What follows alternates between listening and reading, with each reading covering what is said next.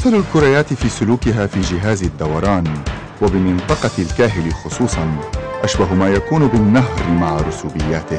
فالنهر يكون بأشد قوة جريانه عند المنبع يجرف أمامه كل شيء إلا ما ثقل كثيرا ثم تراه يخف تدريجيا في الوسط حتى يصبح عند مصبه هادئا يكاد أن يكون راكدا.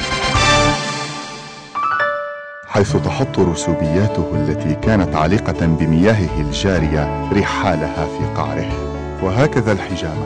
تزيل الشوائب الدموية عند الركودة الدموية من الكاهل فيصح المريض.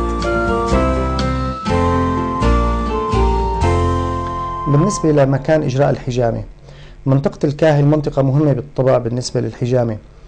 آه، منطقة الكاهل هي منطقة ركودة دموية. آه، الإنسان عندما يضجع لينام ليلا فيستند على آه، الكتفين من الخلف على عظمي الكتف.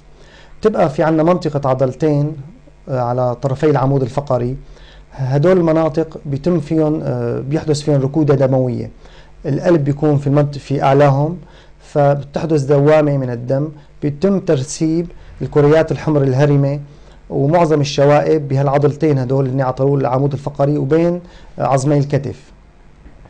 هالمنطقتين هدول هن المناطق الأساسية اللي تجرى فيها الحجامة.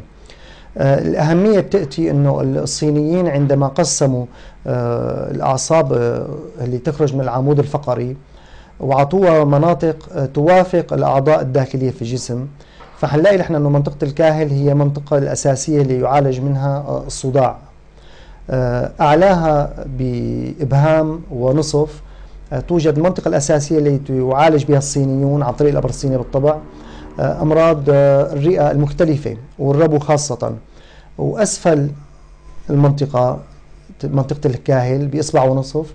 كمان عندنا نحن المنطقة الأساسية التي تعالج منها أمراض القلب وارتفاع التوتر الشرياني. إذا المنطقة هي منطقة عصبية مهمة جدا. آه، بتحدث فيها ركودة دموية بالعضلات بيتم إخراج الدم الفاسد من المنطقة بيتم خلال آه، ثلاث أرباع الساعة تقريبا اللي هي مدة الحجامة آه، إجراء تنبيه عصبي لمنطقة التوافق اللي إحنا عم نسحب من فوق الدم. وبنفس الوقت هالمنطقة هي سريعة التئام الجرح. الإنسان وقت بيضجع بالليل فما بيتم التصاقها بالسرير فما عم يتم الضغط عليها فبتم بتبقى التروية بالجلد آه، جيدة. ولذلك هالمنطقة هي شفائها حيكون سريع جدا. بينما إذا إحنا اخترنا مناطق ثانية من العمود الفقري آه وجرينا من الحجامة حيكون آه الفترة اللازمة لشفاء الجرح أطول بكتير. إذا ما كانت آه مرات شبه مستحيلة عند مرضى مثل المرضى السكريين. اللي إحنا آه، الحجامة آه، مستطبة لديهم وليست مضاد استطباب بمنطقة الكاهل حصرا. كما أن ضغط أولئك الدماء والشوائب كانت تضعف من حركة الدم. الآن وقد تخلص الجسم منها تقوى حركة الدم في الأوردة وشرايين الجسم فتأتي إلى الأجهزة السبعة وإلى الخلايا التي لا كان ما كانت لتصل إليها فتؤدي إليها التغذية وتأخذ منها الفضولات كما تعطيها الأكسجين وتأخذ منها غاز الفحم الضار. فيبدأ جسمه كأنه خلق من جديد. عندها يقوى هذا الدم ويتغلب على كافة الأمراض. لذلك الحجامة تنفع من كل داء لأنه إذا صلح الدم صلح الجسم كله. لا نعالج موضعا مخصصا إنما هي علاج للجسم بكامله وللأمراض جميعها. وأمثل ما تداويتم به الحجامة. وقد ثبت الآن يقينا بكافة دول العالم نجاحاتها وشفاءاتها وأصبحت البشرية تنعم بفضلها بالصحة والسرور والهناءة والحبور. والخلق كلهم عيال الله وأحبهم إليه أنفعهم لعياله. فلذلك وجدنا أن علاماتنا بهذه الاكتشافات المفيدة الحقيقة وأحبهم إلى ربه في هذا العصر.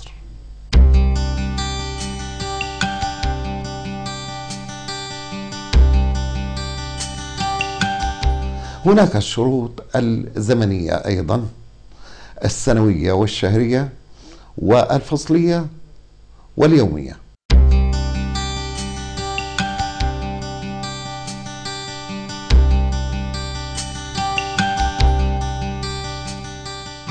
وباختصار الحجامة آه، مرة واحدة تطبق على المريض في ظرف ربع ساعة أو ثلث ساعة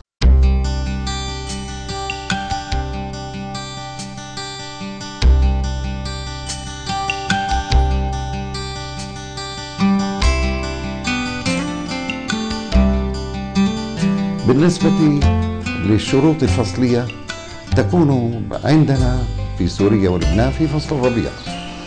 أما في بقية البلدان قبل قدوم الحر الشديد. للقول الشريف استعينوا على شدة الحر بالحجامة.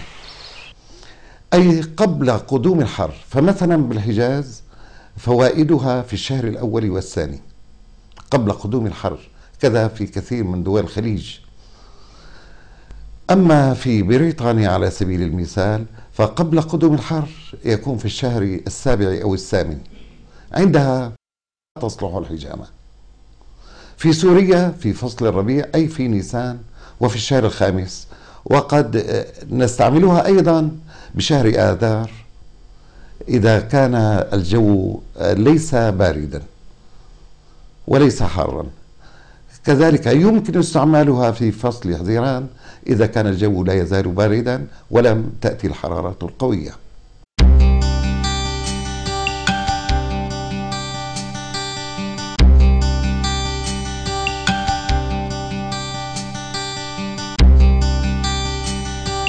أما بالنسبة للشرط اليومي فالحجامة ينبغي أن تكون صباحا وقبل الظهر حتما. لأن الرواكد المضرة بالجسم تأتي إلى المنطقة الهادئة في الظهر وتكون بعد النوم مجتمعة في الكاهل. فلذلك نستأصلها ولكن لا يجوز أن نأكل قبلها لقمة واحدة لأننا إذا أكلنا لقمة آه، اختلط الدم ببعضه إلى الأمعاء ليقوم بعملية التمثيل. فلذلك لا يصح إلا على الريق. يبقى صائما ساعة أو ساعتين من الزمن حتى يجي الحجامة وبعدها يتناول آه، الخضروات أو ما يدعونه بالفتوش لأنها تساعد على التوازن الدموي الذي يسري في الشرايين والأوردة.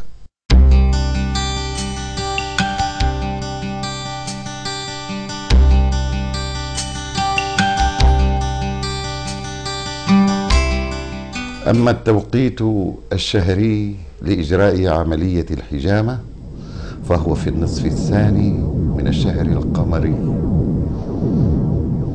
قبل قدوم الحر في النصف الثاني من الشهر القمري لأن الحجامة تكره في أول الهلال ولا يرجى نفعها أبدا حتى ينزل أو ينقص الهلال.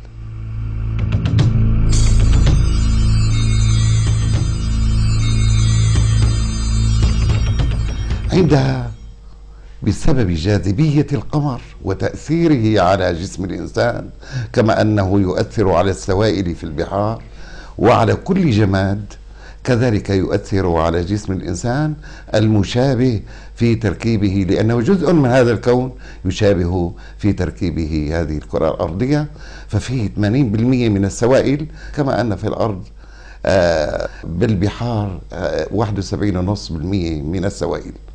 فلذلك تأثيره على الجسم قوي جدا فيهيج الدم في أول الشهر حتى تكثر الجرائم عند ذوي الميول الإجرامية كما يقول العالم ليبر الأمريكي It's been my experience in my years as a police officer that uh, if it's going to be a full moon, we know we're going to have a busy night.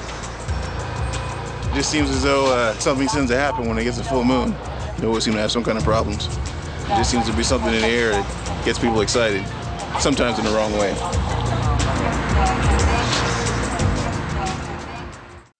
كما يحدث في أيام البيض أو الأيام القمرية 13 14 15 من أشهر القمر الهيجان الشديد في الدماء ليس في الإنسان فقط ولكن أيضا عند الحيوانات فتكثر البيوت في البر وتبيض أيضا الأسماك في البحار. على أشدها في هذه الأيام البيض ثم تركض الدماء وتترسب في المنطقة الهادئة من الجسم آه، في الظهر في منطقة الركودة الدموية كما هي معروفة تماما طبيا هنا يتركز المرض والشوائب والرسوبات كلها ونأخذ آه، بإلقاء المرض آه، خارجا فيصبح الجسم سليما معافى وما أنزل الله داء إلا أنزل له دواء. آه، ألا فتداووا بالحجامة أيها الناس. بأكد على ضرورة التقيد بقوانين الحجامة وهي التقيد بالموعد الفصلي فصل الربيع. والتقيد بموعد آه، الشهر القمري من 17 ل 27 الشهر القمري. الفائدة بتكون على أشدها في بداية آه، وقت الحجامة يعني يوم ال 17 18 19 21 لا فرق بالطبع بين الأيام المفردة والأيام المزوجة بأكد على موضوع أنه ما نتخلى عن الموعد الفصلي. آه، إذا إنسان أجري له حجامة وكانت الحجامة هي بفصل الشتاء أو بفصل الخريف فما حتعطينا النتائج المرجوة نفسها اللي بفصل الربيع. آه، لاحظنا حالات كثيرة أدت الحجامة في الشتاء قريب استمر لمدة عشرة أيام انخفاض بحرارة الجسم. الحجامة مستطبة بفصل الربيع آه، ونتائجها بفصل الربيع هي النتائج المرجوة.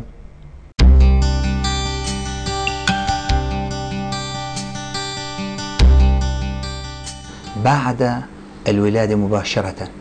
هناك تكاثر خلوي شديد وتقاسم خلوي وبشكل هائل لأجل أن ينمى الشخص وينمى هذا الصغير المولود. هذه الخلايا المليارات تتكاثر بسرعة هائلة وتنتج خلايا كثيرة وتحتاج هذه الخلايا إلى للنمو وتحتاج إلى الحديد. في هذا التكاثر الهائل إذا أخذنا خزعة من دم طفل صغير وأرسلها إلى المخبر ولم نقل أنه من طفل لازددنا عجبا.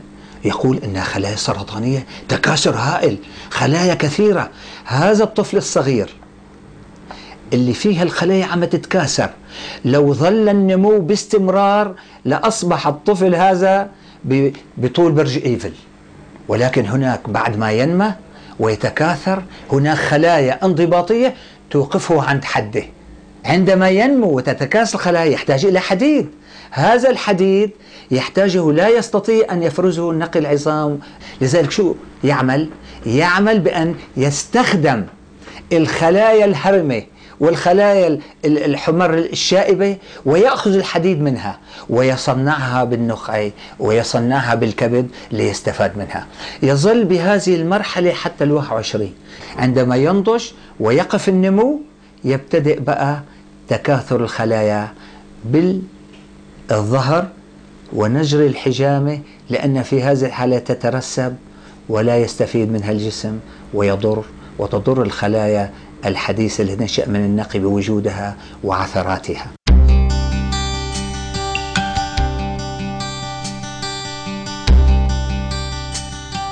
أثبت لنا عن من قبل أحسن المخبريين والمحللين على أنه دم الطمس يشابه دم الحجامة المأخوذ من الكاحل وقد لاحظنا وتابعنا الأمور بأن سرطان الكبد قبل سن اليأس عند المرأة هو عند الرجل. ست مرات أكثر من المرأة قبل سن اليأس. ويتساوى سرطان الكبد مع سرطان المرأة بعد سن اليأس. إذا الطمس عبارة عن مفرغ لمصلحة المرأة. كذلك قبل سن اليأس. الرجل يصاب بسرطان الكولون أكثر وسرطان المعدة أكثر وبيضاد الدم أكثر. وبعد سن اليأس يصبح أيضا النسبة واحدة بيناتهم عندما تصبح المرأة كهلة وتصبح كأي آه، شخص عادي بدون طمس ومعرضة لكل الأمراض. لذلك الحجامة يجب أن نقرها. بعد سن اليأس وليس قبل سن اليأس.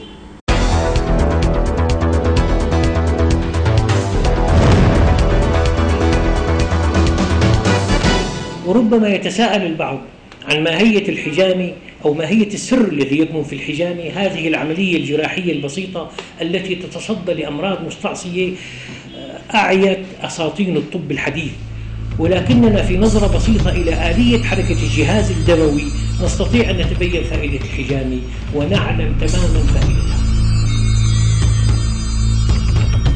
إن جهاز الدم ذلك العالم الواسع بوظائفه وأركانه وأهدافه إنه سير الحياة وشريانها فهو يؤمن الاتصال مع كافة الأعضاء ويزودها بالوقود ويأخذ منها الفضلات ويؤمن لها المناعة والدفاع. هذا الجهاز الدموي شديد التعقيد عظيم الأهمية. يكتنفه الضعف والخمول تارة وتهاجمه الأمراض تارة أخرى. فمن مكوناته الكريات البيض والتي تمثل الجهاز الدفاعي عن الجسم ضد أي عدوان ويبلغ تعدادها من أربعة إلى سبعة ملايين كرية في المليمتر المكعب. ومن مكونات الدم أيضا الكريات الحمر. والتي يبلغ تعدادها حوالي خمسة ملايين كرية في المليمتر المكعب والتي تقوم بنقل الأكسجين اللازم لإنتاج الطاقة إلى كل الخلايا والأنسجة وتأخذ منها غاز ثاني أكسيد الكربون. إن الكريات الحمر تولد في نقل العظام لتنتقل إلى الدم وتبقى قائمة على أداء وظيفتها 120 يوما تبدأ فتية قوية. وعندما تقارب حياتها على الانتهاء تشيخ وتفقد مزاياها من نشاط وحيوية ومرونة وقدرة على العمل ويتغير شكلها وتلتصق ببعضها فإما يجرفها تيار الدم إلى الكبد والطحال وإما أن تبحث عن أماكن الركود في الدوران المحيطي لتذوي إليها ولن تجد أركد من منطقة الكاهل لأنها منطقة واسعة وشبكة الشعريات الدموية أشد ما تكون تشعبا وغزارة. وهذا ما لا يخفى أثره في أن سرعة الدم فيه تفتر وتقل فتترسب هذه الكريات مع شوائب الدم المختلفة لتبدأ مشاكل الخثرات والانسدادات ونقص التروية الدموية. وهذا ما أكده فريق طبي ياباني من خلال الأبحاث التي أجروها على الدم فقالوا إن الشوائب في الدم هي السبب في إصابتنا بالأمراض المختلفة. هنا تفرض الحجامة نفسها حلا جذريا لكل هذه المشاكل. طبعا إذا بحثنا في آلية شفاء الحجامة ما هي آلية شفاء الحجامة؟ عدا عما ذكر سابقا أن الحجامة تخلص الجسم من الشوائب الدموية ومن هذه الأشباح الكريات والأشكال الشاذة من الكريات الحمراء التي تعتبر بما يسمى في الطب الصيني بالدم السام وموقع الحجامة أيضا يعرف في الطب الصيني بموقع المئة مرض. بعد عن, عن ذلك هناك آليات أيضا كثيرة حول آلية شفاء الحجامة أو كيف تشفي الحجامة من هذه الأمراض. الآليات تتلخص بشكل مختصر أولا أن الحجامة تزيد إفراز المورفينات الطبيعي في جسم الإنسان. قام العالم ذاك عام 62 بحجامة أرنب متألم ثم سحب من السائل السحائي لهذا الأرنب المتألم وحقنه في أرنب متألم آخر فزال الألم. وأثبت بذلك أن الحجامة تزيد, تزيد إفراز الكورتيزون إفراز المورفينات الطبيعي في جسم الإنسان. كذلك تزيد إفراز الكورتيزونات الطبيعي كما أثبتت ذلك الدكتورة ماجدة عامر والدكتور هاني الغزاوي في مصر طبعا. وكذلك الحجامة تنشط أفراز الكريات البيضاء تحرض على إنتاج الكريات البيضاء والامينوجلوبولينات المناعي والإنترفيرون. الإنترفيرون الذي يعتبر الخط الدفاعي الأول في مواجهة الخلايا السرطانيه ومواجهة الفيروسات. لذلك لا عجب إذا شفت الحجامة من سرطان أو إذا شفت أيضا من التهاب كبد فيروسي.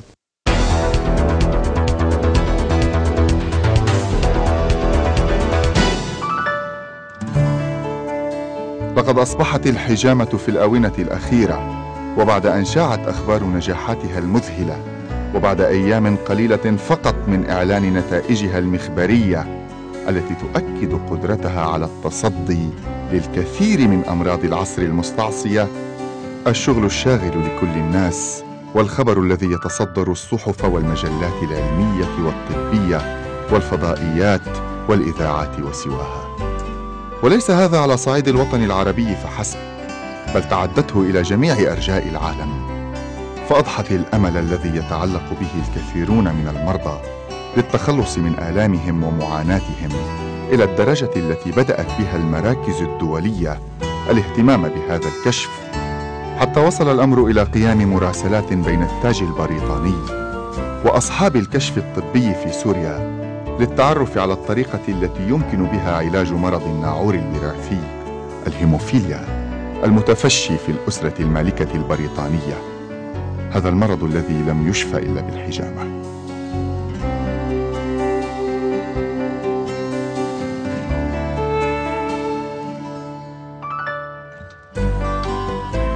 كما أجرى الفريق الطبي السوري عملية الحجامة للكاتب المصري الكبير الدكتور مصطفى محمود في ربيع 2004 وذلك بناء على دعوة منه.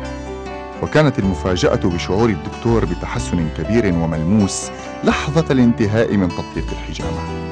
مما دفع عددا كبيرا من الأطباء المصريين للاهتمام بهذه الوصية النبوية.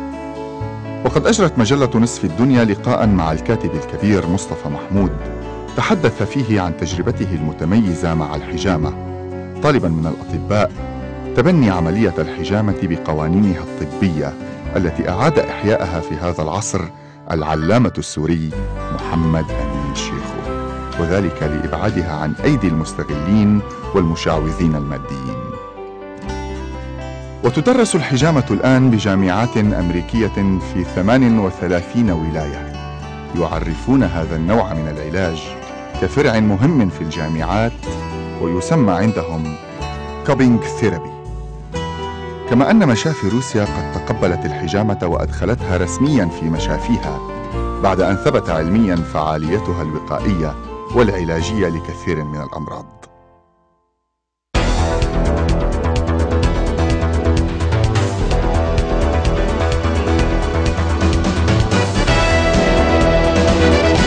بعد أن ظهرت النتائج الباهرة لعملية الحجامة ظهر إقبال شديد على تطبيق الحجامة.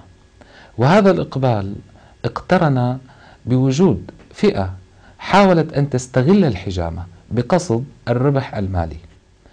وفئة أخرى حاولت أن تمارس الحجامة بغير أو بمخالفة قوانينها بهدف تشويه الحجامة. وعندما لاحظنا هذا الأمر قمنا وبتوجيه من الأستاذ آه، عبد القادر يحيى الشهير بالديراني بالاتصال بالمراكز الطبية والمشافي والعيادات في جميع أنحاء القطر العربي السوري في المحافظات والمناطق والنواحي والقرى. وشرحنا لهم آه، القواعد والقوانين الناظمة لتطبيق الحجامة. وأكدنا أن أي مخالفة لأي قانون من قوانينها سوف يؤدي إلى نتائج عكسية. هناك تخوف من الأدعياء الذين يمارسون الحجامة لأهداف مادية ولكن ذلك بالطبع لا يجعلها عرضة للهجوم والإقلال من شأنها. لكن لابد من وضع الضوابط التي تحكم هذا العمل وتجريم كل من يمارسه بغير علم. بحيث تكون هناك منافذ معلومة لكل من أراد هذا النوع من العلاج. بالطبع البرنامج اللي يبث حاليا هو برنامج لتوعية آه، المرضى ولتوعية الأطباء لفائدة الحجامة. آه، بعض الأطباء آه، للأسف بسبب أو بآخر بسبب جهلهم بعملية الحجامة وفوائد الحجامة قاموا حملة معاكسة ضد الحجامة. سببها كان أنه أولا الجهل بالحجامة ثانيا إنه الحالات اللي وصلتهم هي الحالات اللي تم إجراء الحجامة فيها من دون آه، الالتزام بقوانين الحجامة الصحيحة. من قبل أناس ليسوا بأطباء وليسوا بحجامين مختصين. فهذا أدى لحالات من الالتهاب أو حالات من القريب اللي إحنا حكينا عنها من شوي اللي بتصير إذا كان الشخص تناول مشتقات الحليب أو آه، اجرت له الحجامة على بعض الطعام. هالحالات هي بالطبع آه، الحجامة الحقيقية هي بريئة منها وما لا علاقة فيها وابدا ما بتسيء للحجامه الحقيقية ولا فوائد الحجامة الحقيقية بشيء. أه لناخذ أبسط موضوع هو التهاب الكبد الإنتاني. واللي اتهمت الحجامة فيه إنه هي عم تنشره. فقبل الحجامة معروف إنه التهاب الكبد الإنتاني آه، ينتشر وبصورة أساسية بسبب آه، عدم تعقيم آه، أدوات بعض أطباء الأسنان عدم تعقيم أدوات في عمليات جراحية أو دم ملوث بفيروس الهيباتيتس التهاب الكبد أو بسبب الالات غسل الكلية الصناعية. مع ذلك آه، ما حدا حاول إنه يمنع آه، الأطباء الأسنان من ممارسة خدمة مهنتهم ولا حدا حاول إنه يلغي الكلية الصناعية من العمل لأنه هي ضرورية وقال إنه هي حالات عبارة إنه الغلط التعقيم ما بيلغي الموضوع من أساسه. فاذا آه كمان حالات اللي تمت فيها الحجامة بغير قوانين الصحيحة ما تم فيها إجراء التعقيم الصحيح وأدت لتأثيرات جانبية من بيناتها آه التهاب كبد إنتاني. آه هي حالات آه، آه، المسؤول عليها هو اللي أجراها بطريقة خاطئة وليست الحجامة الصحيحة.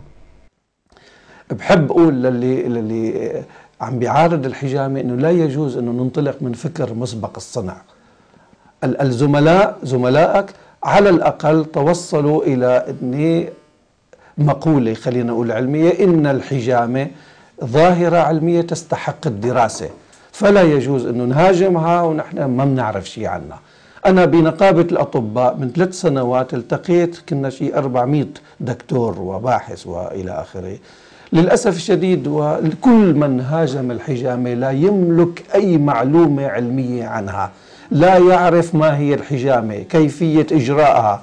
كل ما لديه من معلومات عن الحجامة إنه إجا ناس عاملين الحجامة فملتهب ظهرهم أو متجرسم دمهم أو أو أو. وقتها قلت لهم أنا أنتم السبب؟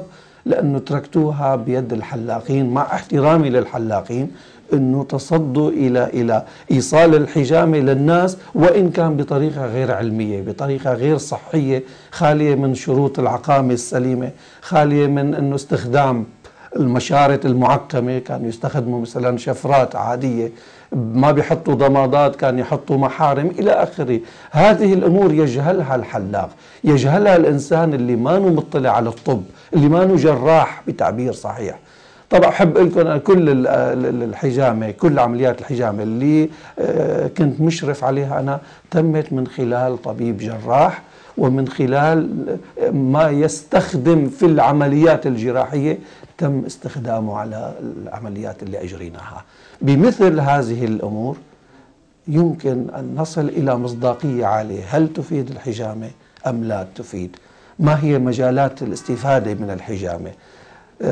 ينبغي أن نقول إن, أن الحجامة لا تلغي الطب الحديث وليس الطب بديل عن الطب الحديث بل تكمله تتوافق معه بتعزز قدراته. ولا بد من التأكيد على أننا لا نهاجم طرق العلاج الأخرى ولكنها خطوة مكملة على الطريق الصحيح لإيجاد علاج بلا أعراض جانبية. وكما قال باستور الدواء الكيميائي سلاح ذو حدين. يضرب الداء ويضرب المريض. والحجامة لا أعراض جانبية ولا ضرر منها أبدا. قام البعض مع الأسى والأسف يبدلون في هذه الشروط والقوانين ويعودون بالحجامة إلى ما كانت عليه. الحجامة من قبل تعتبر من الشعوذة. ومن لا يقوم بها إلا الجهلة وهي خطرة على المرضى. أما حين كشف هذه القوانين الصارمة في الدقة وهذه الشرائط لها العلامتنا الكبير محمد أمين شيخو فقد أثبتت أنه لا ضرر لها إطلاقا. الضرر يتأتى من إدخال الأدوية الكيميائية إلى الأجسام. لأن هذه الأدوية حينما تدخل الأجسام تنفع وتضر. أما الحجامة فإنها تشفط المرض من منطقة الكاهل في الظهر ولا تدخل إلى الجسم شيئا فلا ضرر من الحجامة أبدا. إنما الضرر يتأتى من أولئك الحجامين الذين يغيرون القوانين والشروط. ومعلوم تماما أن الدواء إذا زاد عن كميته قتل المريض وإذا نقص لم ينتفع أبدا المريض. لذلك إذا غيروا شروط الحجامة وقوانينها كما يفعلون الآن فسيقضون على المرضى. ولا يخفى على أحد ما يعانيه العالم اليوم من ويلات المضاعفات الناتجة عن الأدوية الكيميائية. والغرب أدرك هذه الحقيقة وراح يجري الأبحاث والدراسات على الطب البديل أو ما نسمي بعضه بالطب النبوي وفقت النتائج كل التوقعات. إن الغرب ينظر اليوم إلى الطب البديل باحترام شديد. وإذا أردنا أن نتحدث عن الحجامة كفرع من فروع الطب النبوي فلا بد أن تكون هناك أمانة ومسؤولية لإجراء مقارنة منصفة بين الطب الحالي والطب البديل. إذا الطب البديل طب تكميلي يكمل الطب التقليدي اللي أظهرت آثاره السيئة على مدى سنين. نحن نعتمد على الطب التقليدي ولكن عندما يفشل نتجه إلى الطب البديل والذي نسميه بشكل أحسن الطب التكميلي. يعني ليس بديل عن ولكن طب تكميلي يكمل الطب التقليدي.